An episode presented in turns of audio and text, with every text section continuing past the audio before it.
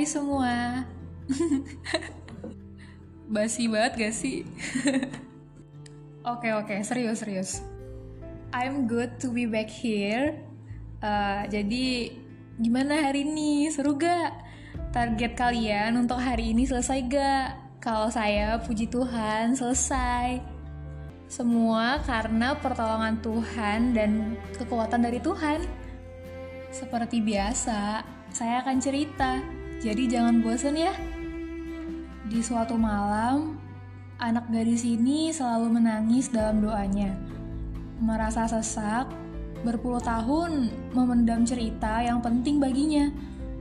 Namun mungkin untuk beberapa orang tidak ada pentingnya. Pernah ketika sepulang bekerja, ketika terdiam sambil mengendari motornya, anak gadis ini menangis.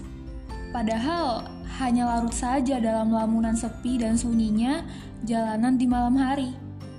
Kata orang, kalau sudah menangis ketika sedang tidak berkata apa-apa, itu tandanya sangat lelah dengan semuanya. Apa iya? Ketika sampai di rumah, rasa lelah dan sedih itu semakin bertambah.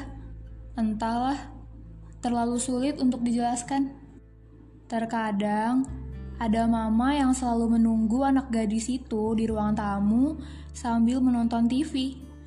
Tapi malam itu tidak ada mama di sana. Anak gadis itu mengira mama tertidur di kamar. Karena memang sudah malam sekali. Pukul 11 malam. Dan benar saja, mama tertidur pulas. Damai sekali melihat mama tertidur. Rasa lelah anak gadis itu serasa berkurang. Anak gadis itu hanya tersenyum dan menutup kembali pintu kamar mama. Anak gadis itu adalah diriku sendiri. Aku pun pergi ke kamar dan melihat adik-adik sudah tertidur. Terlintas di pikiranku, apa saja yang sudah mereka lakukan hari ini? Apakah mereka senang hari ini? Atau mungkin adikku yang paling kecil sedang galau karena tugas online sekolahnya. Rindu sekali bisa bermain bersama mereka, tapi nyatanya waktu belum berpihak. Aku pun pergi untuk mandi, dan waktu sudah menunjukkan pukul setengah 12 malam.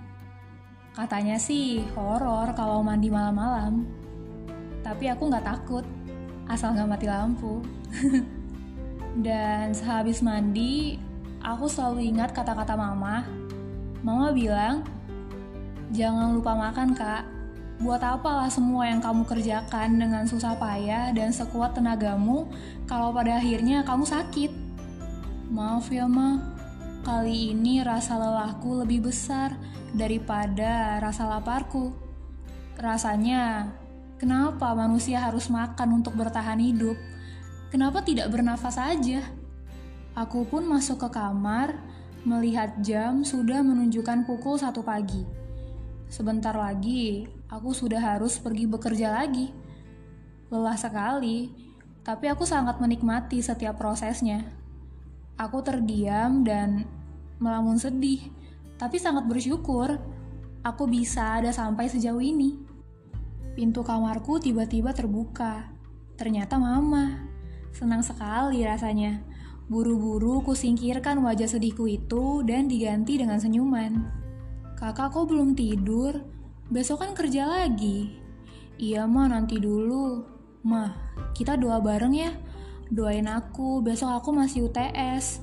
Mama yang pimpin doanya ya. Mama pun mengiyakan dan kita berdoa bersama. Kalian tahu gak? Rasanya terpaksa tersenyum, menyembunyikan luka, memendam cerita, dan kekhawatiran lainnya.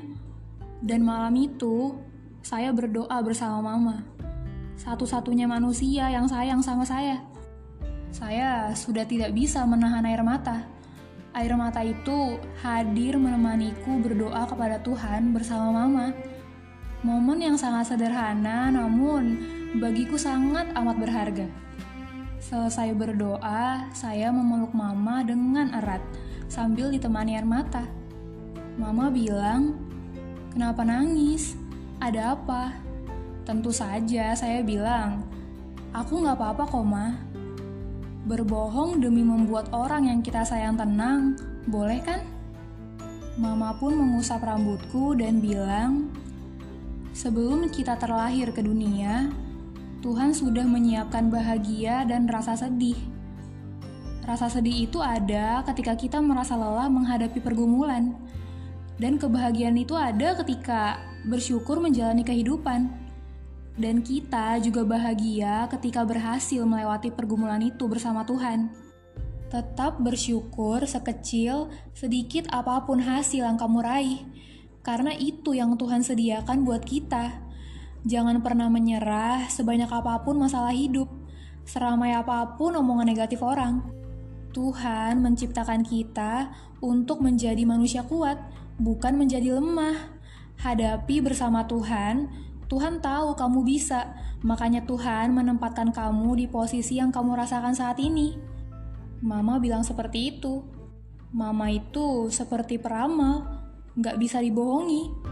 Walaupun Mama tidak pernah tahu apa yang anak gadis itu alami sebenarnya, tapi dia tahu anak gadis itu sedang tidak dalam kondisi yang baik. Keadaan di mana nggak pernah kebayang sebelumnya harus benar-benar dihadapi bersama Tuhan Aku tahu Tuhan itu baik, sangat baik. Tuhan gak pernah meninggalkan anak-anaknya.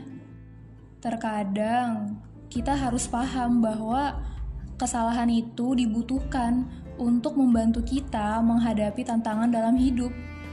Gak semua hal bisa terjadi sesuai kemauan kita, dan kita nggak akan bisa berkembang dan maju kalau kita tetap ada di zona nyaman kita.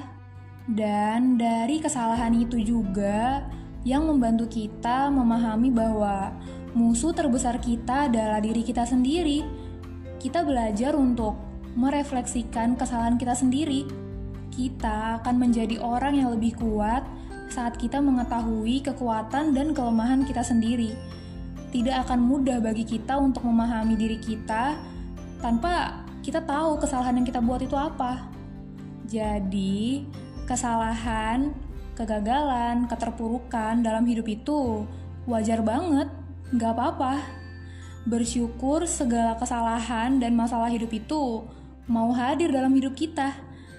Karena berkat semua itulah yang membentuk diri kita ini semakin dewasa dan lebih baik. Jadi, semangat semuanya!